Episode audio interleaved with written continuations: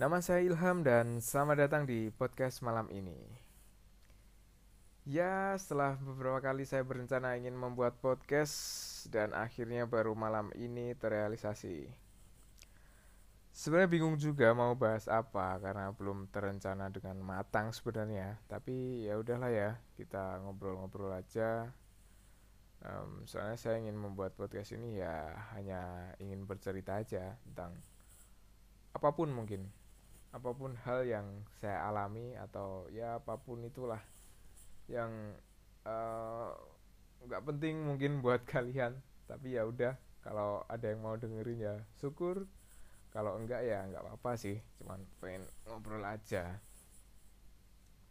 Um, jadi pertama uh, kenalin nama saya Ilham Ilham Suryahandika biasa dipanggil Ilham um, saya seorang penilai properti. Um, podcast ini mungkin jadi salah satu pelarian kepenatan saya ya di kesibukan pekerjaan yang ya bisa dibilang lumayan sibuk.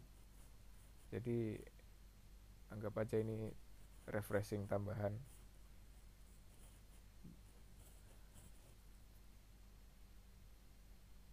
jadi kita mau ngobrolin apa ya? Mau ngobrol yang baru happening tapi males juga. Oh ya kayak tadi saya juga baca sekilas berita di CNN kalau ternyata uh, tahanan KPK yang adalah koruptor sudah mendapatkan vaksin sedangkan kita yang rakyat tidak pernah korupsi tidak divaksin-vaksin. Entah siapa yang menjadi prioritas di negara ini. Tapi ya udahlah nggak usah kita nggak usah bahas itu. Nggak um, usah bahas itu. Nanti tidak malah saya hilang. Belum terkenal saya nanti sudah hilang. Kasihan sekali. Um,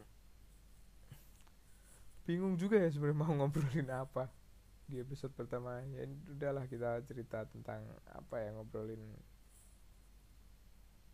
Hmm, saya mau cerita tentang pekerjaan saya dulu aja ya. Jadi eh, saya bekerja sebagai penilai properti. Mungkin banyak di antara kalian yang masih awam mengenai apa sih profesi penilai properti itu pekerjaannya ngapain karena memang masih tergolong baru sih mungkin di negara kita di Indonesia. Tapi sebenarnya ini juga salah satu profesi ya profesi yang peluangnya bagus. Hanya sosialisasinya atau mungkin um, penyampaian informasi di masyarakatnya aja yang kurang.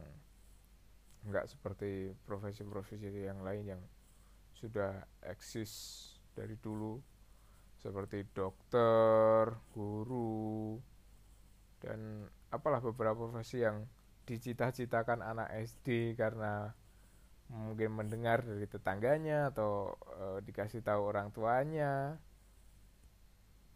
Itu banyak profesi-profesi mainstream yang tapi kalau penilaian properti nggak ada kayaknya anak SD yang bercita-cita menjadi seorang penilai properti saya dulu juga iya.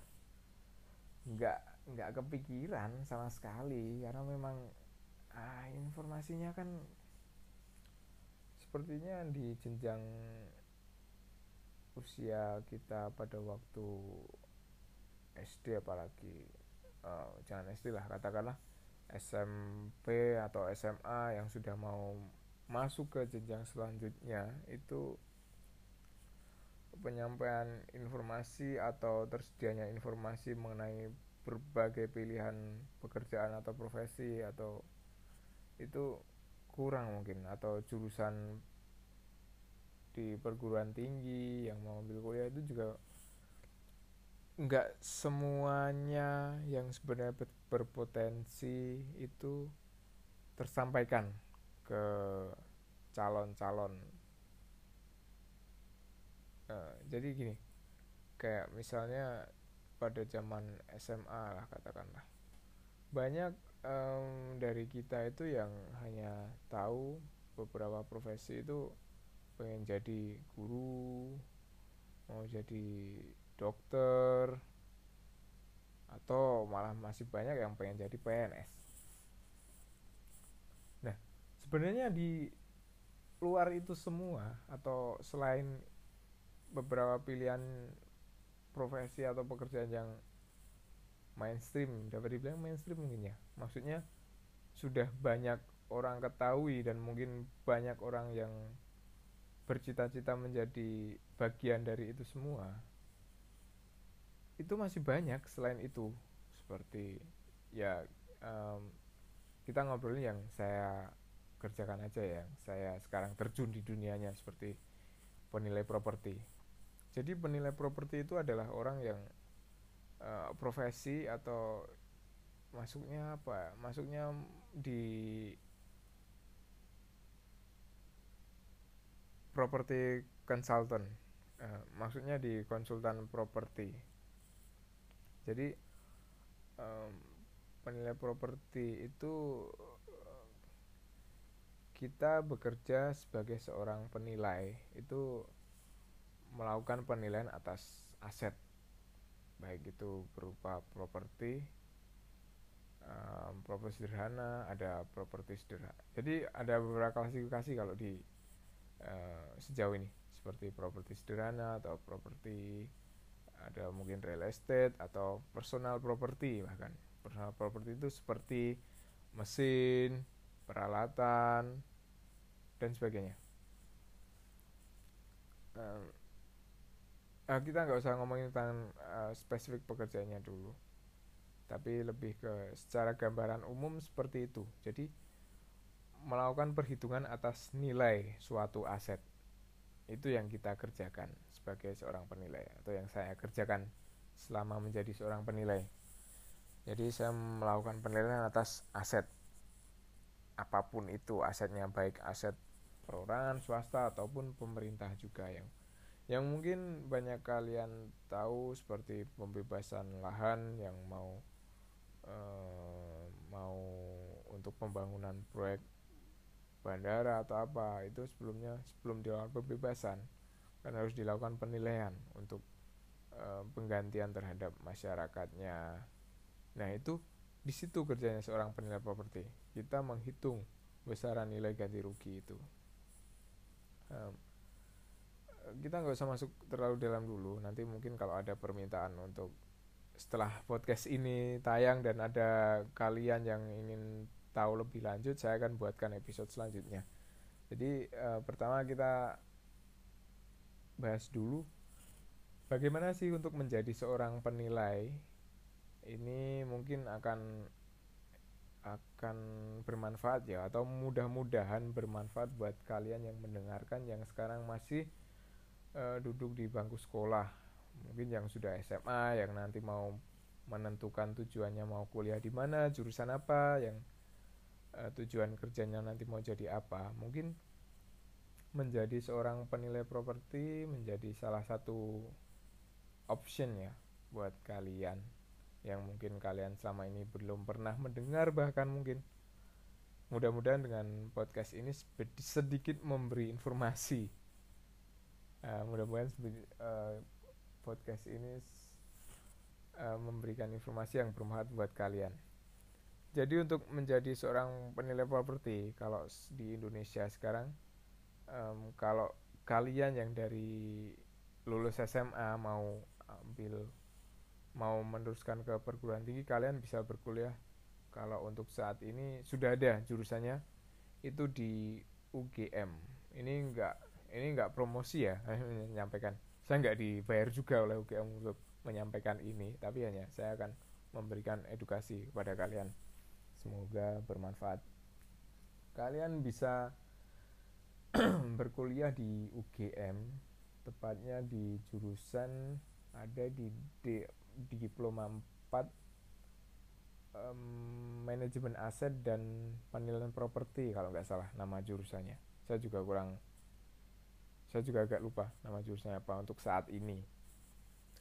Kalian bisa berkuliah di situ nanti kalau di situ kalian akan lebih spesifik untuk mempelajari bidang penilaian properti. Kemudian kalian bisa setelah lulus itu menjadi seorang penilai properti tapi ada tahapannya um, jadi ada tahapannya menjadi seorang penilai properti uh, ketika kalian sudah lulus dari perguruan tinggi itu kalian bisa bekerja uh, jenjang awal karir itu bisa menjadi seorang asisten penilai atau asisten asisten surveyor atau asisten penilai atau menjadi seorang surveyor langsung bisa langsung menjadi seorang surveyor seorang surveyor itu adalah seorang uh, staff penilai di uh, nama kantornya itu biasanya kantor jasa penilai publik. Itu kita saat menjadi staf penilai menjadi surveyor itu uh, job desknya kalau dibilang job desknya atau pekerjaannya itu kita yang melakukan survei atas objek apa yang akan kita nilai atau aset aset apa yang akan kita hitung nilainya misal kita mendapat uh, penugasan untuk menilai rumah sederhana Nah, itu seorang surveyor yang nantinya akan melakukan survei atas rumah itu. Kita melihat uh, rumah itu seperti apa, lokasinya di mana, dan kita memperhitungkan itu sehingga akan muncul nilai atas rumah itu. Gambaran garis besarnya seperti itu. Jadi, surveyor nanti akan menilai. Ada lagi jenjang sebagai reviewer reviewer nanti adalah reviewer adalah posisi yang nanti uh, reviewer adalah orang yang nantinya akan melakukan review atas pekerjaan dari surveyor. Setelah surveyor yang menyerahkan hasil pekerjaan berupa hasil surveinya, hasil analisanya atas objek yang dinilai itu nanti akan uh, dipertimbangkan oleh reviewer. Reviewer itu akan mereview kembali pekerjaan seorang surveyor. Pekerjaan dari surveyor itu akan direview kemudian kalau ada yang perlu diperbaiki atau perlu dikoreksi akan dikoreksi oleh reviewer. Akan dilakukan pembetulan atau penyempurnaan. Kemudian nanti akan um, diserahkan kepada seorang penanggung jawab. Penanggung jawab itu adalah penilai propertinya yang penilai publik atau penilai publik disebutnya. Atau disebutnya penilai publik. Itu nanti yang akan bertanggung jawab. Dalam artian nanti yang akan e, mengesahkan atas nilai properti yang dinilai itu. Nilai properti dari nilai atas objek yang dinilai itu secara garis besar pekerjaan seperti itu. Tapi itu adalah gambaran yang sangat-sangat umum. Sebenarnya lebih kompleks lagi pekerjaannya. Seperti apa detailnya itu lebih kompleks lagi lah. Seperti misal seorang dokter itu pekerjaannya mengoperasi atau mengobati pasien. Tapi kan sebenarnya um, itu secara penyampaian secara garis besar atau secara umum. Sebenarnya saat melakukannya itu sangat kompleks ketika mengoperasi atau menyembuhkan seorang pasien itu kompleks sekali yang dikerjakan seorang dokter. Jadi um, secara umum seperti itu. Kalau uh, kalian yang ingin menjadi seorang penilai properti atau bisa juga yang kalian sekarang sudah misalnya sudah lulus kuliah dan ingin terjun di dunia penilaian properti atau menjadi seorang penilai properti itu kalian bisa mengikuti pendidikan sertifikasi yang diselenggarakan oleh asosiasi. Jadi um, di profesi kami seorang penilai properti itu ada asosiasi. Jadi setiap penilai itu harus terdaftar di asosiasi dan bahkan sekarang harus terregister di Kementerian Keuangan. Uh, seperti saya ini juga sudah saya sudah terdaftar di asosiasi dan saya juga sudah terregister di Kementerian Keuangan.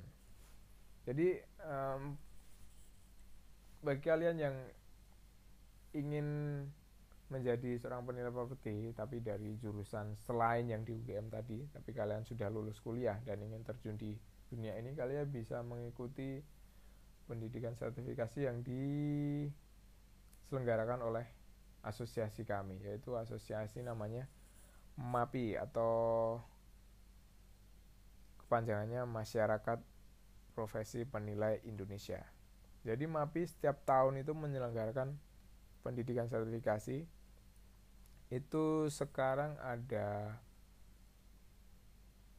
6 6 tahap pendidikan awal sepertinya sebelum masuk ke jenjang pendidikan yang sertifikasi.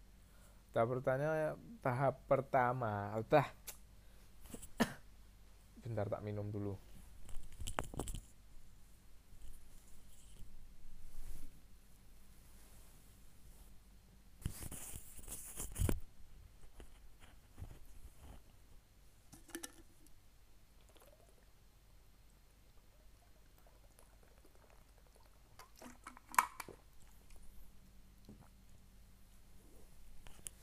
uh, sampai mana tadi? Jadi um, oh iya.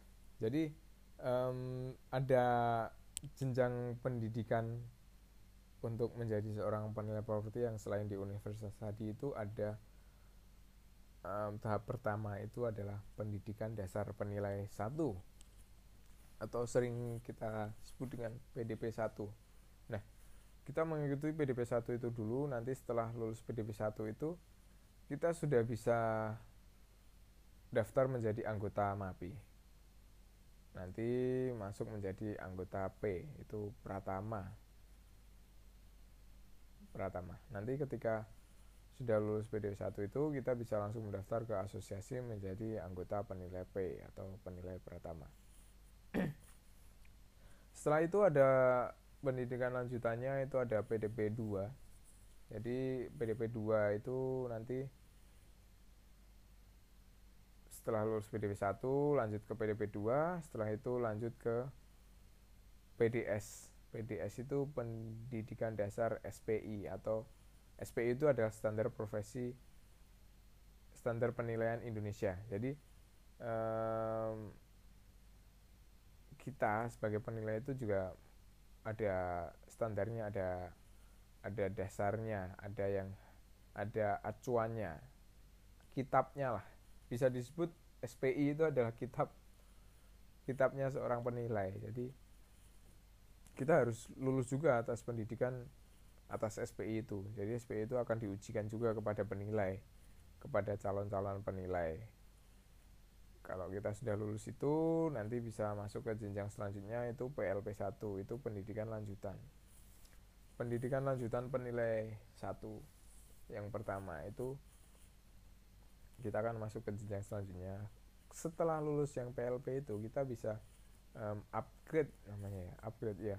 Kita bisa upgrade uh, keanggotaan di asosiasi itu menjadi T dari P ke T ya, penilai madya atau penilai terdaftar atau terakreditasi saya agak lupa sorry. Jadi itu itulah nanti penilai T bisa jadi anggota T.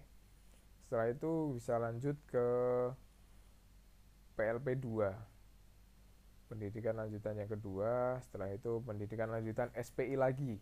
Jadi SPI tadi uh, selain diuji uh, diujikan di dasar nanti akan ada ujian lanjutannya itu di PLS itu pendidikan lanjutan SPI setelah lulus itu kita bisa ambil sertifikasi menjadi seorang penilai properti sederhana penilai properti sederhana atau penilai PS nanti dapat gelar MAPI Cert.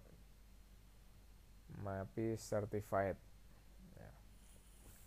setelah itu kita sudah uh, bisa be menjadi penanggung jawab atas pekerjaan penilaian. Kalau tadi kan masih jadi staff misal um, yang anggota P itu tadi masih uh, pekerjaannya terbatas sebagai penilai staf penilai surveyor. Uh, kalau sudah T nanti bisa naik ke jenjang reviewer atau quality control suatu pekerjaan penilaian. Kemudian kalau setelah selesai pendidikan sampai dengan PLS tadi kita bisa masuk jenjang uh, sertifikasi atau ujian modul. Lalu mendapatkan sertifikat sebagai seorang um, pertama menjadi seorang penilai properti sederhana jadi penilai PS itu kita bisa melakukan penilaian. Kita bisa menjadi seorang penanggung jawab atas pekerjaan penilaian. Jadi sebagai leader. Um, tapi untuk menjadi P untuk menjadi penilai penanggung jawab itu tadi ada syarat minimalnya ya. Uh, saya tapi saya agak nggak hafal berapa jangka waktu. Misalnya seperti yang tadi yang penilai T eh sorry sorry. Yang awal penilai P mau naik ke penilai T selain mengikuti pendidikan tadi juga uh, harus ada syarat minimal jam terbang atau lama waktu bekerja yang harus dipenuhi. Saya agak lupa berapa uh, nanti mungkin kita bahas lebih lanjut ke episode selanjutnya kalau ada yang um, menginginkan episode terusan ini terusan pembahasan atas profesi ini. Nah nanti setelah itu baru bisa naik menjadi penilai T atau terakreditasi atau terdaftar menjadi penilai terdaftar.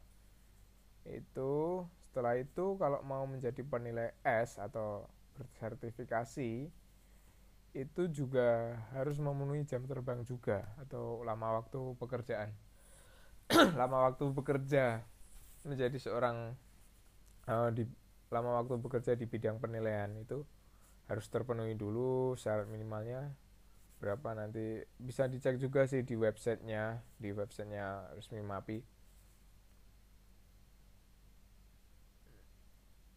nah jadi itu um, mungkin sedikit gambaran mengenai profesi penilai yang masih tergolong belum banyak orang yang mengetahui mungkin.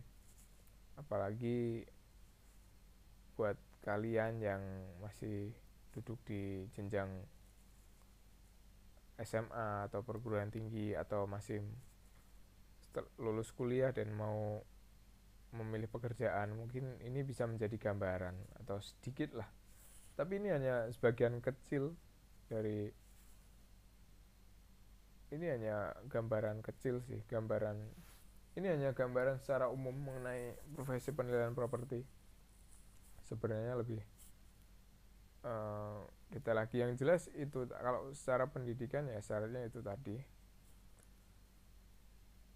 Syarat minimalnya.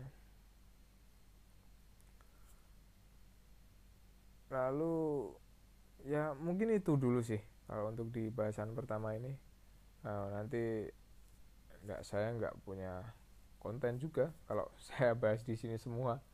Nanti mungkin bisa kita lanjutkan di episode-episode selanjutnya. Mungkin kalau mau yang ada yang menanyakan uh, bagaimana sih job desknya pekerjaan seorang penilai atau gimana sih experience-nya menjadi seorang penilai nanti bisa kita bahas di next episode